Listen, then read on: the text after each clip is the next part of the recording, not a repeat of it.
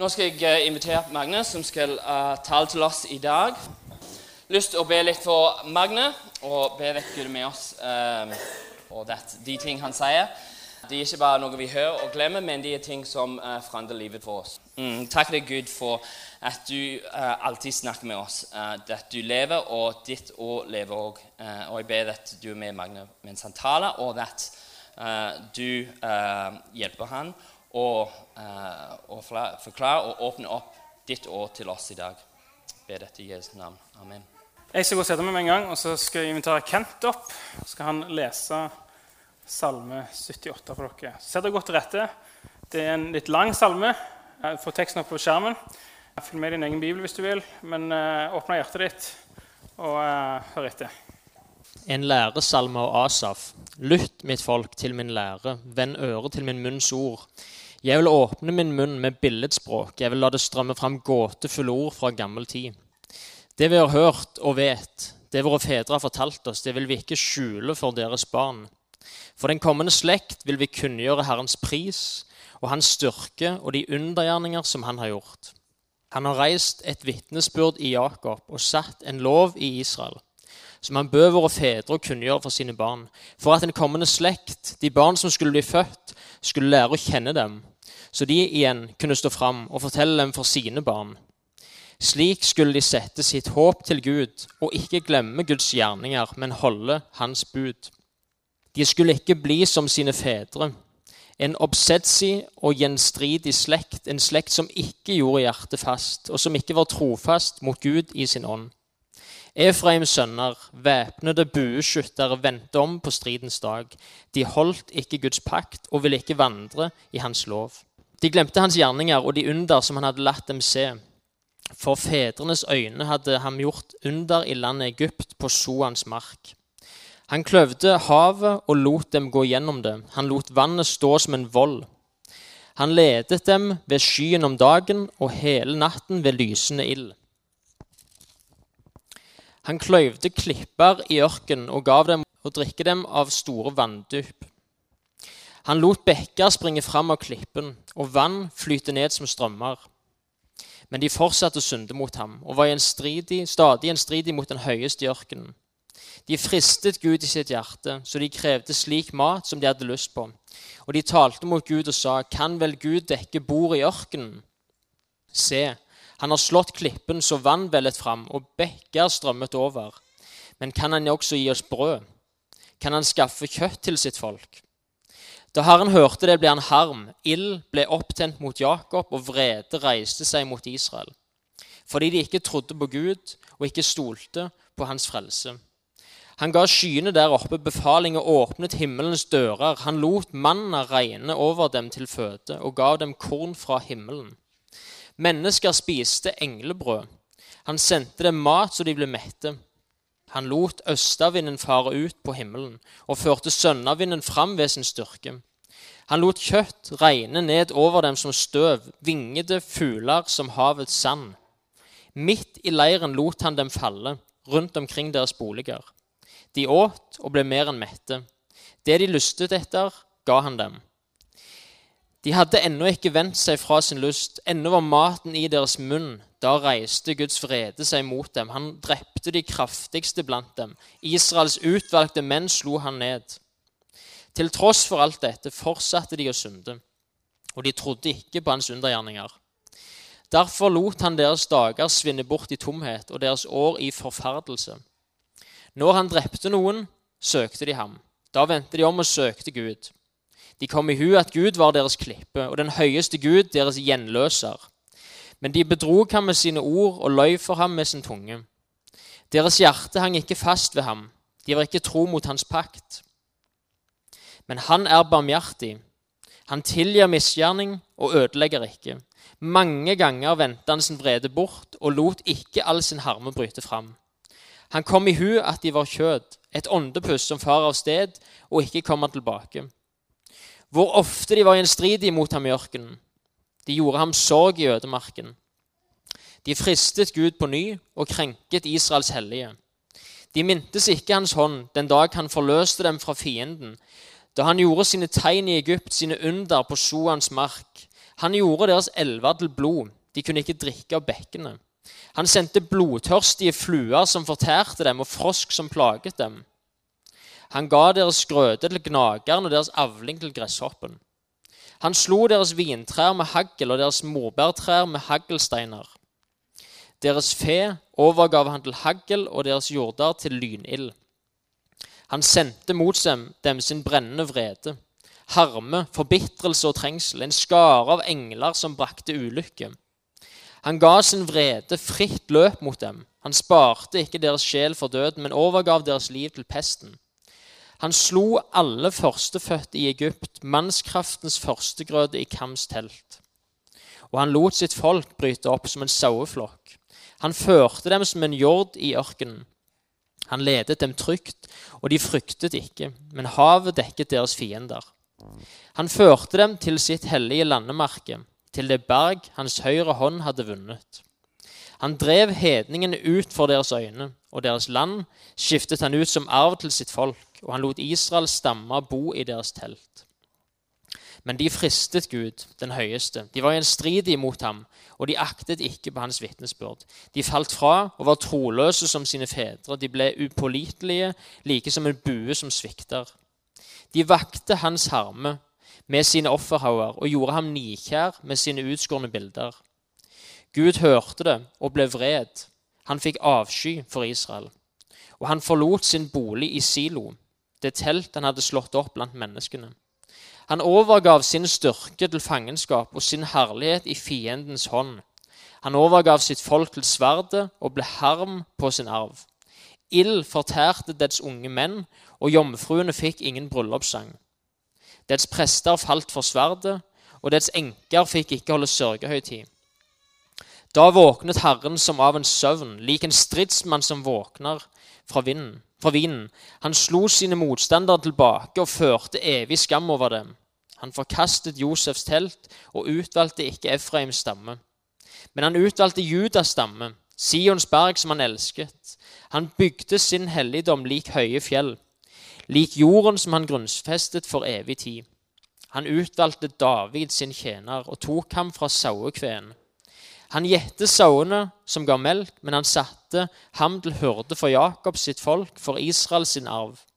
Og han voktet dem med oppriktig hjerte og førte dem med kyndig hånd. Ok, Hvis du har vært her om gudstjenesten i høst, så eh, så har du kanskje lagt merke til at vi begynte en ny taleserie som heter 'Hva i all verden?' Lucky begynte dette her. 'Hva i all verden?' i en generasjonspastor. Og så forrige gudstjeneste så var det 'Hva i all verden skal vi med Blå Kors på Bryne?' Og så i dag er det meg 'Hva i all verden kan du lære av Salme 78?' Så det er konteksten. Neste gang er hva i all verden kan du lære av Salme 119? Nei, jeg skal ikke gå ned. Um, en påstand. I, nå i uka så, eh, var jeg inne på Facebook. håper noen går på Facebook. Der var det da, kom opp dette bildet her. En sånn event. Jeg tror det er Susanne som lager de. Og så måtte gudstjeneste på Bedukirka. Og da sto det 'Jesus er sentrum i Bedukirken'. Som er en bilde av en bibel. Og jeg tror det, En påstand for meg da, er at hvis Jesus er sentrum i Bedukirka, så kan hvert eneste kapittel være superrelevant som tema på en gudstjeneste. Så Egentlig kan jeg bare åpne Bibelen og velge et kapittel, og så kan jeg tale over hvilket kapittel jeg vil. fordi at hvis Jesus skal være sentrum, så er alt superrelevant. Men jeg har en sånn eh, ordning i livet mitt, prøvd å gjøre det nå de siste 20 åra. Eh, det at eh, Uansett hva dagen bringer meg, så har jeg ett mål. Og det er Jeg skal iallfall starte dagen med å lese en salme. Små unger, jobb, forskjellige ting. Livet henne har mål om å lese Bibelen, be, søke Gud og være skikkelig fromme. Det går ikke alltid. Men jeg har prøvd å lage meg regel at uansett jeg skal lese en salme.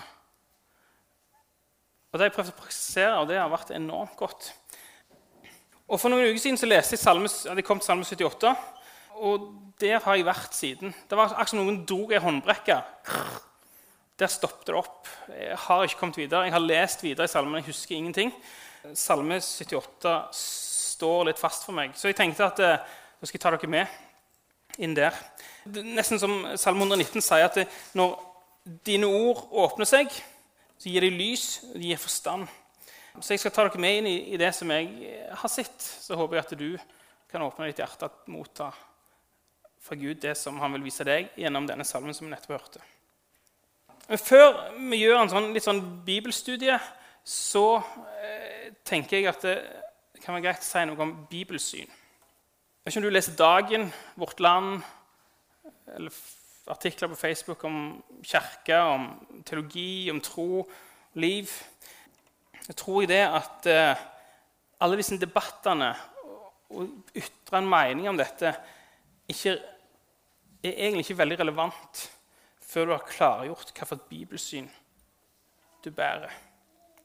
For bibelsynet ditt danner utgangspunkt for, for meningene dine, for ståstedet ditt. Og Hvis du ikke har et klart bibelsyn, hvis du ikke har grunnfesta bibelsynet ditt, så kommer meningene dine til å sprike i alle retninger.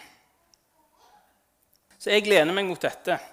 Og det er et sånt statement som mange kirkesamfunn har. Og det er at Bibelen er Guds ufeilbarlige ord. Det er den øverste autoritet for all tro, for all lære, for etikk og moral. Det ønsker jeg å være.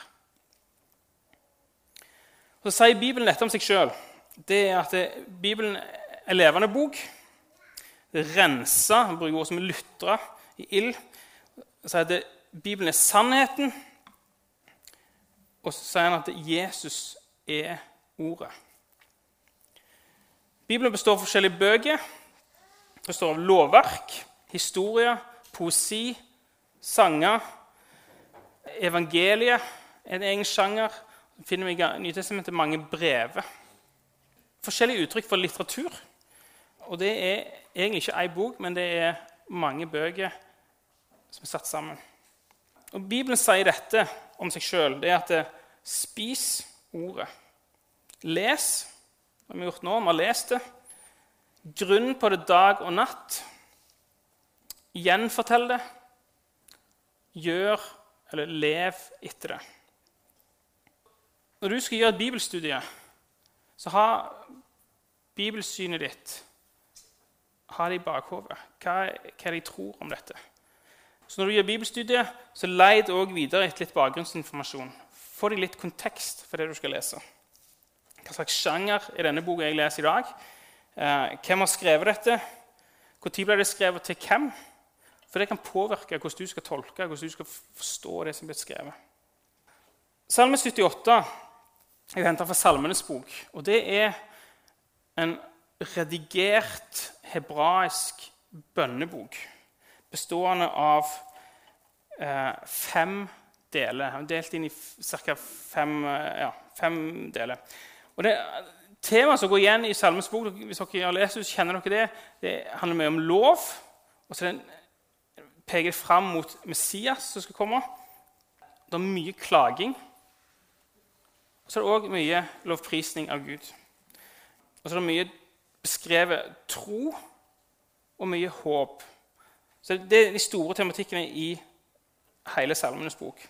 Salme 78 da, så får vi vite at det er Asaf som har skrevet.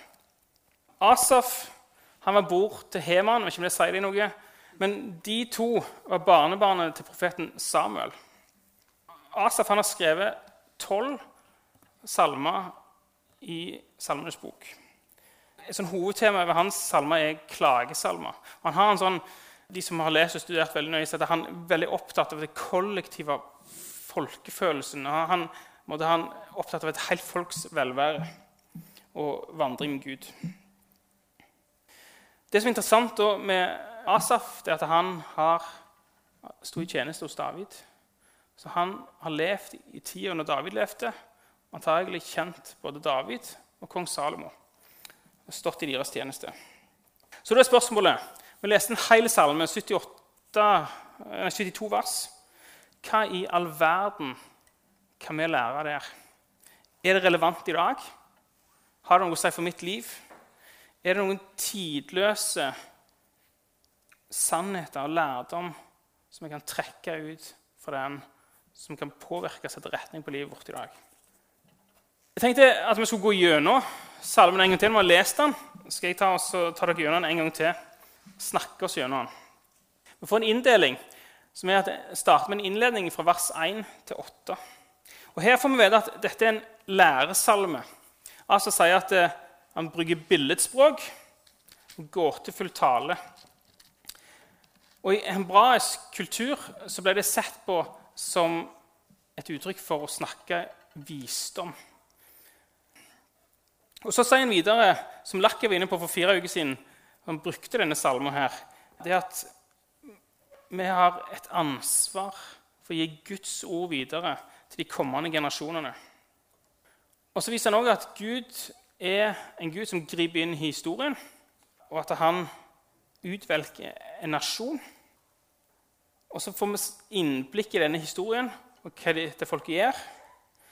Og Så avslutter han innledningen med et sånn, du ser litt av hjertet hans. Hvorfor skriver han denne salmen? Og Da er det i eh, vers 6-8 der skriver han om at eh, han ønsker at de kommende generasjonene at de ikke skal glemme Gud, at de skal holde buda, og at de ikke skal være som de som har levd før seg, ha, men at de skal ha et hjerte som står fast og trofast med Gud i Sion. Det er motivene hans for å skrive denne salmen. Og Så tar han oss gjennom tre historiebolker.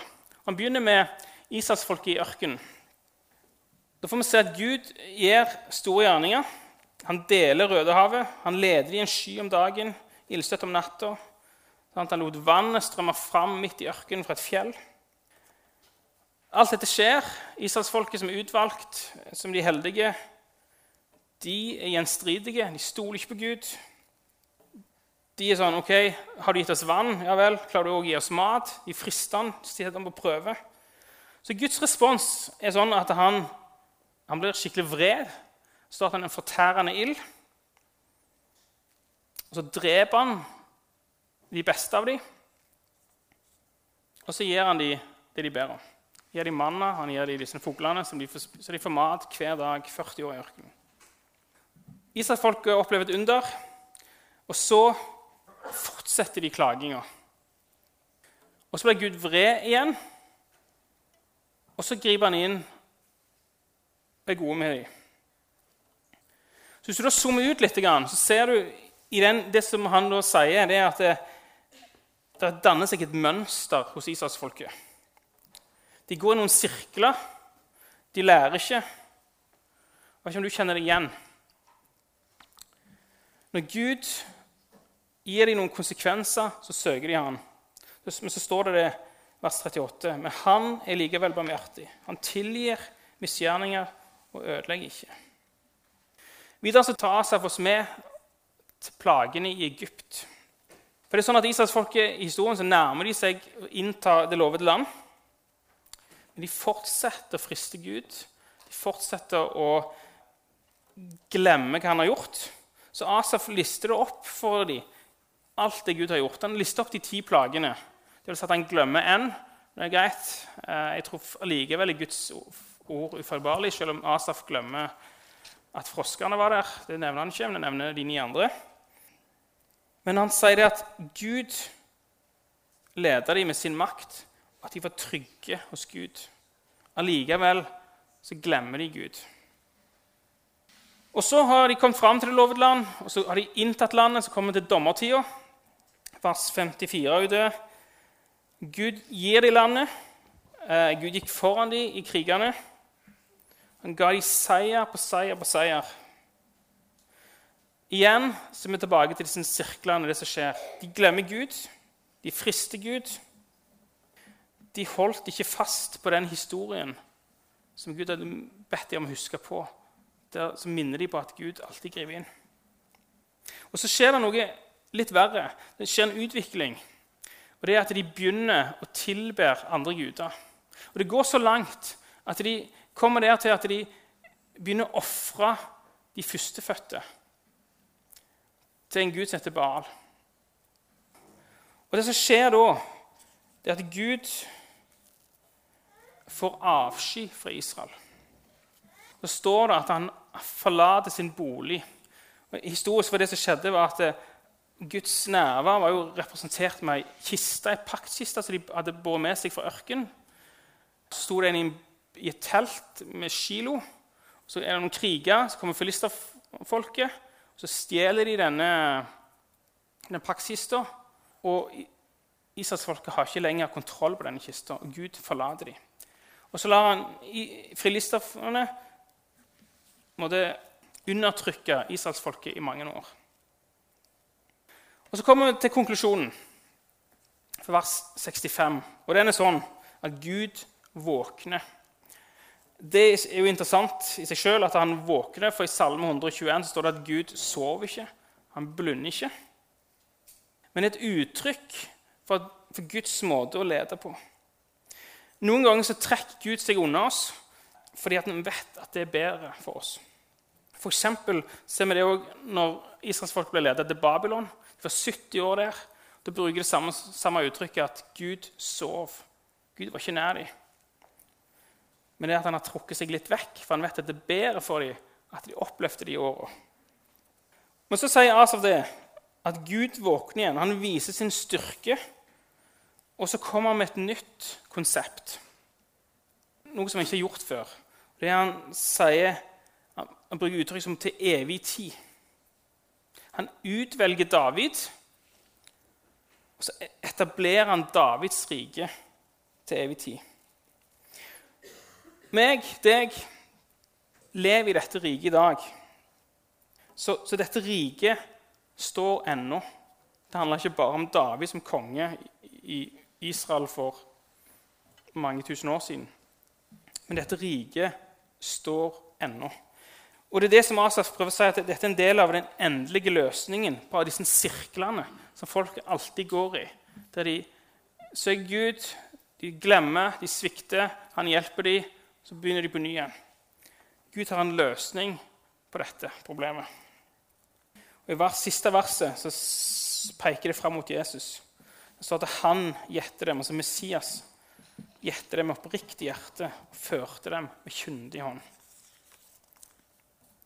Vi leser at Asaf snakker om å oppdra barn. Han gir oss en historiebolk, eller tre, og så snakker han om etablering av Davids rike. I dette her, da, når jeg studerte, så finner jeg at han, han gir oss to beskrivelser. Han gir oss beskrivelse på Gud, og han gir oss beskrivelse på mennesket. Og Det tror jeg kan være bra for oss å lære se litt. Hva er en mann som levde for, for så mange tusen år siden? Han, han gir en sånn ok, Dette har skjedd 1000 år før han, ca. Eller 500-600 år. Altså, så registrerer han hvordan folk handler. Og så kan vi måte, og, og hvordan Gud er. Og så kan vi noen tusen år seinere det igjen se ok, stemmer dette. Er det sånn vi er? Er det sånn Gud er? La oss kunne se på hvordan han beskriver Gud. Da beskriver han Gud som en som gir undergjerninger. Det vil si at Gud er forankra i historien. Han griper inn, han styrer nasjoner. Og så forsørger han. Han gir vann og mat rett tid. Det ligner litt på Fader vår når vi ber om gi oss i dag vårt daglige brød. Så tenker jeg det at eh, Gud var sånn da, Gud er sånn nå. Hvis du sliter med å få endene til å møtes noen gang, så har Gud en løsning til deg. Han griper inn. Og så handler Gud uavhengig av mennesket. Sånn, de klagde, de vendte seg bort. Gud ga manna når de trengte det. Han velsigna dem, han var nådig med dem. Så Gud griper inn i ditt liv når du ikke fortjener det. Gud er barmhjertig. Han tilgir, og han ødelegger ikke. Hvis du har såra Gud, hvis du har synda, hvis du har levd vekk fra Gud, eller levd som kristen, men faller okay? Gud er barmhjertig, han tilgir. Dette var sannhet for Asaf så mange år siden. Det er sannhet for deg i dag. Så straffa han motstanderne. Egypterne hadde undertrykt israelsfolket i 400 år. Så Litt seinere Så vi får se da at, at Gud straffer dem. Han knekker hele nasjonen Egypt for å frelse Israels Gud. Så vi vet at senere i historien så har Jesus han har seira over alle makter og myndigheter. Han triumferte over dem på korset. Og En dag skal Gud tørke bort hver tåre. En dag skal alle undertrykte bli fri. Og Det er som at denne salmen peker fram mot åpenbaringen med det til evig tid. Så en dag så Gud tar vekk all død, sorg, skrik og smerte. Du skal ikke være mer. Så lærer vi av Asaf at Gud er en trygg leder. Når de sto med Rødehavet, så hadde de bak seg en krigshær til farao. Fra før seg hadde de Rødehavet. De hadde ingen vei å gå. De var trengt opp et hjørne. Tror det samme Gud i dag òg. Når du ikke finner veien ut av der du er i livet, så har Gud en løsning for deg. Så får vi også se at, at eh, Gud har følelser. Kanskje ikke så kjekt å snakke om, men at Gud er vred, det hopper vi helst over. At han føler avsky, det vil vi heller ikke høre noe om. Men vi vil elske å høre om at Gud elsker oss.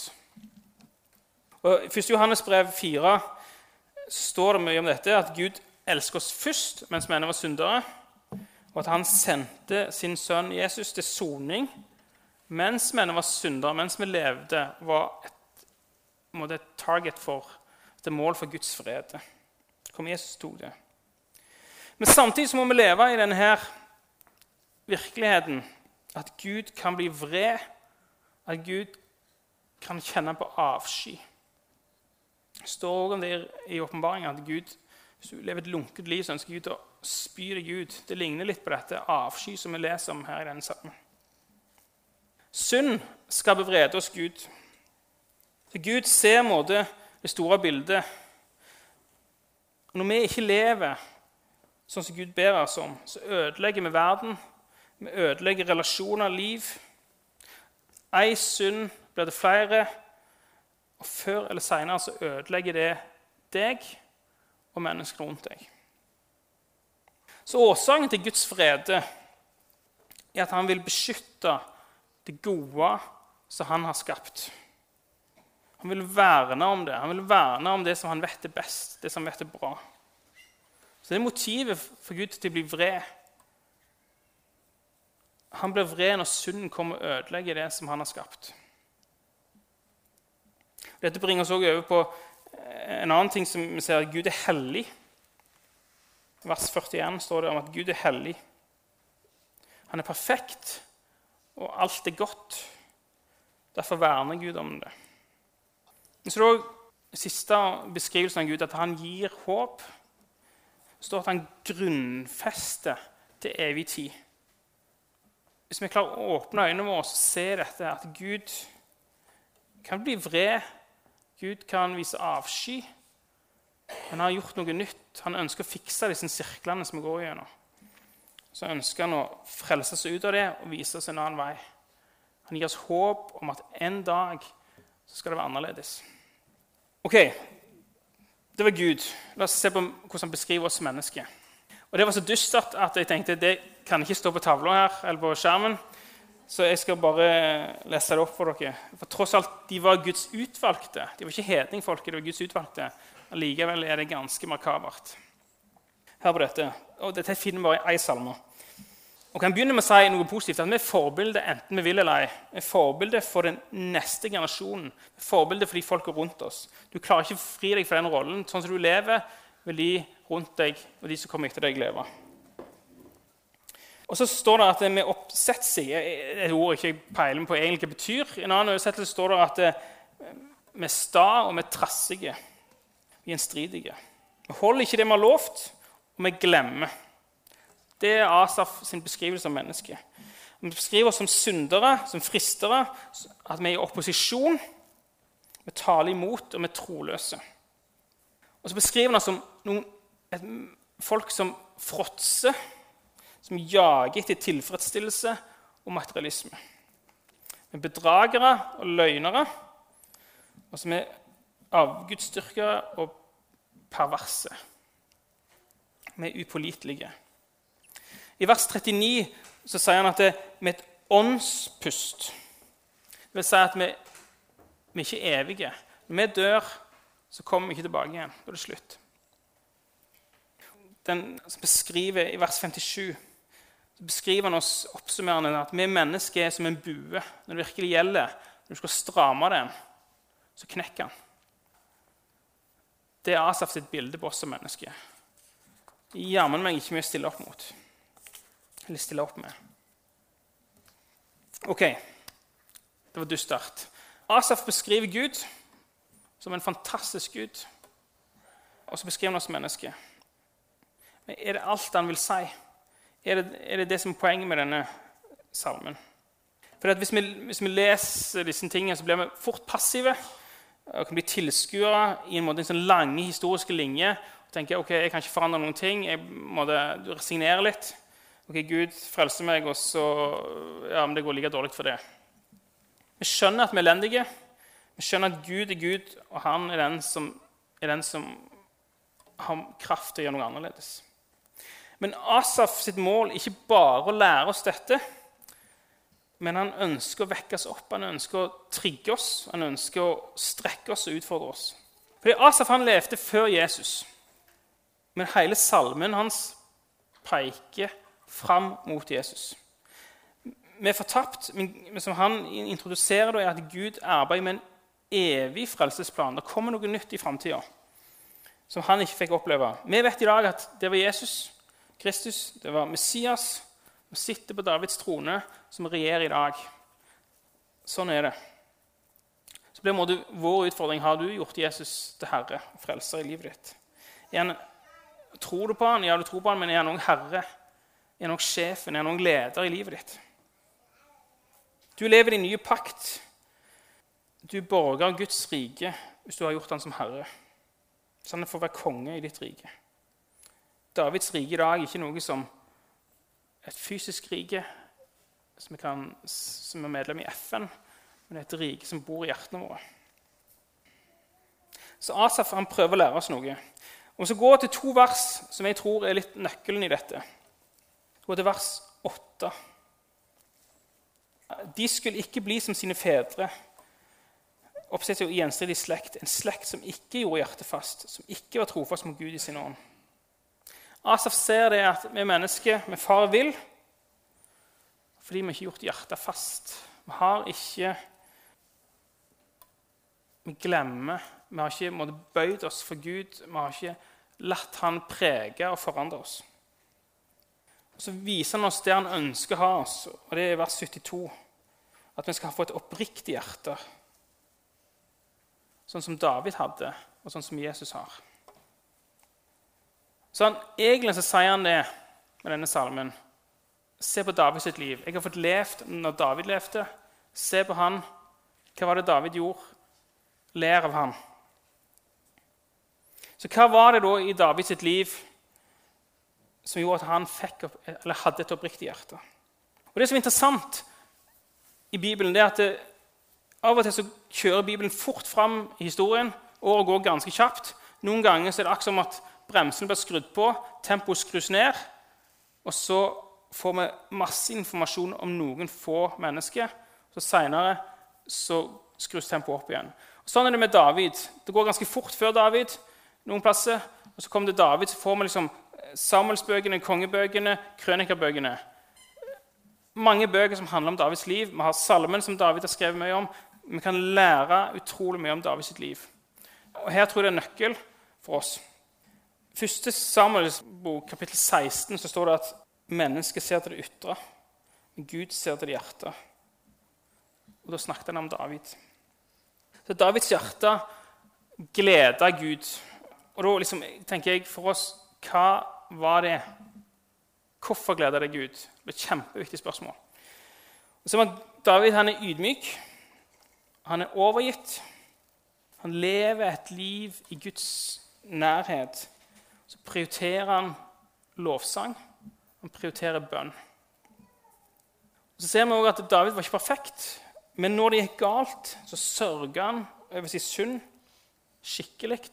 Tok hele uka, grein, Kledde seg i aske. Han skikkelig uh, glatta ikke bare over det. vet du hva? Fillen Gud. Han gikk skikkelig i dybden. Han ba om omvendelse, om Guds nåde.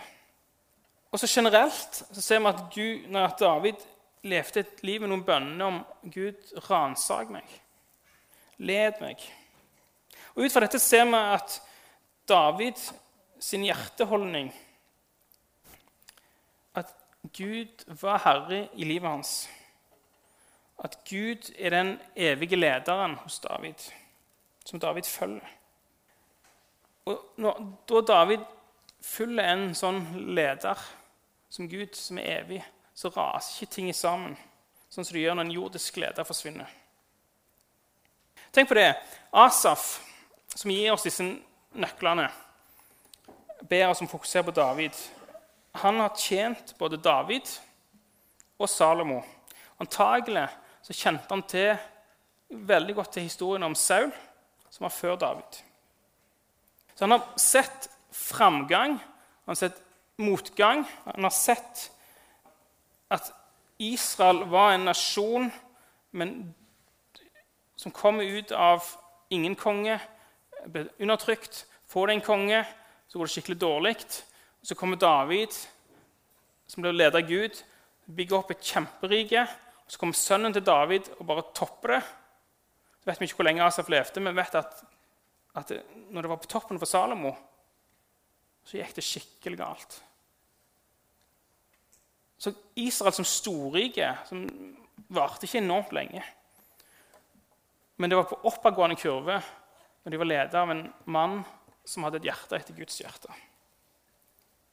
Asaf så antagelig konsekvensen av ledere og folk som hadde ulik hjerteholdning til Gud.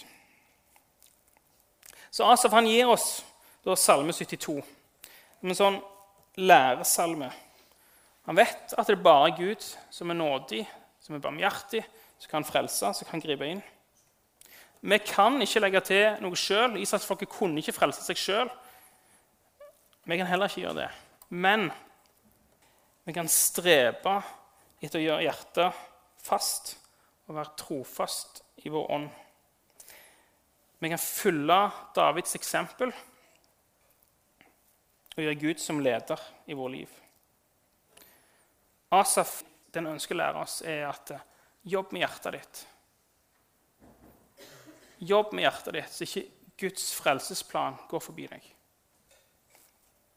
Så helt til slutt Hva kan du lære av denne salmen? Jeg tror vi er forskjellige, forskjellige steder i livet. Trenger du kanskje fornye ditt syn på Gud? Disse ni sannhetene som jeg lista opp.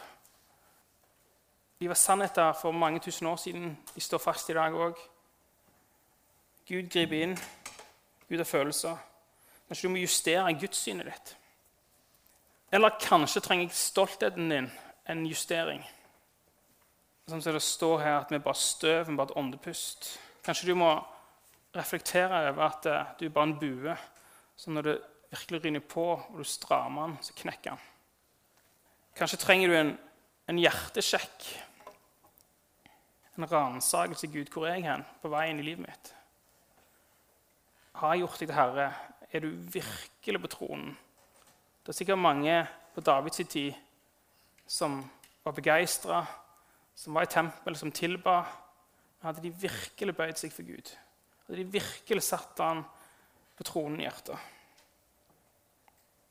Som reise oss. Så må ta opp denne siste, den plakaten som var her. Jesus er sentrum i bedehuskirka. Tenker dere at det, Hvis Jesus skal være sentrum i bedehuskirka, så må Jesus være sentrum i ditt liv, for det er du som er bedehuskirka. Bedehuskirka bare er to ting. Vi har snakket om det i siste. at det er, en, det er bare en organisasjon som ikke betyr noen ting med den usynlige kirka, Davids rike, som lever i oss, som er den virkelige kirka. Og da tenker jeg at eh, hvis Jesus skal være sentrum i den kirka, så er Salme 78 er en glimrende utgangspunkt. Verktøy for å sjekke ok, Jesus, er du sentrum blant oss. uten et oppriktig hjerte som David hadde, går det ikke an å ha Jesus som sentrum. Et oppriktig hjerte det bøyer seg for Gud og gjort Jesus til leder. Så her i Bedekirka ønsker vi å legge til rette for at du kan leve ut dette. Vi ønsker at du kan gjøre en hjertesjekk. Vi ønsker at du gjennom huskirke, gjennom å leve tett på folk i radar, så kan du ha ukentlig eller ordninger som hjelper deg til at du lever dette, at du, at du sjekker hjertet ditt. Så har vi gudstjenestene en anledning nå. ok, Gud, Hvordan står det egentlig til i livet mitt? Ja, jeg kjenner deg, jeg har gått i kirka lenge, eller bare dilt etter. Eller Jesus, er du, er du virkelig på plass? Har jeg sklidd vekk? Må justere noe? Trenger et nytt gudssyn? Jeg har lyst til å gi dere en anledning nå. Du kan be med de som står på sida av deg, eller du kan søke forbund nede i hjørnet der. Men la oss, la oss søke Gud og be om at han skal komme og snakke til oss ut fra denne salmen. Så det i, i Nytestamentet at eh, Guds ord det er levende, det er kraftig, det er virksomt. Det som heter tvega sverd, som kløyver alt som står i veien, og kommer ned til hjertet og gir oss en hjertesjekk. Det skal vi gjøre nå. Så Jesus, takk for at du er her. Takk for ditt ord som vi fikk lest. Må du bare la det jobbe i oss, uansett hvor vi er hen. La oss få lære av historien. La oss få lære om hvem du er, hvordan vi er mennesker. La oss få lære om hvordan David valgte å leve. Jesus, må du sjekke hjertene våre. Og Hvis alt er fint, så la oss springe ut og juble og gå videre. Hvis alt ikke er fint, Jesus, så ber jeg om du skal sette på håndbrekket og stoppe oss opp. Og hjelpe oss å justere. Og invitere deg inn så du får justert det, så du får sette deg på tronen. Så kommer Jesus du og gjør akkurat det du vil nå. Amen. La meg stående og tilber meg. Også hvis du vil ha forbønn, kan du søke ned hjørnet. Eller du kan spørre naboen på sida. Og så tar du en hjertesjekk i eget liv.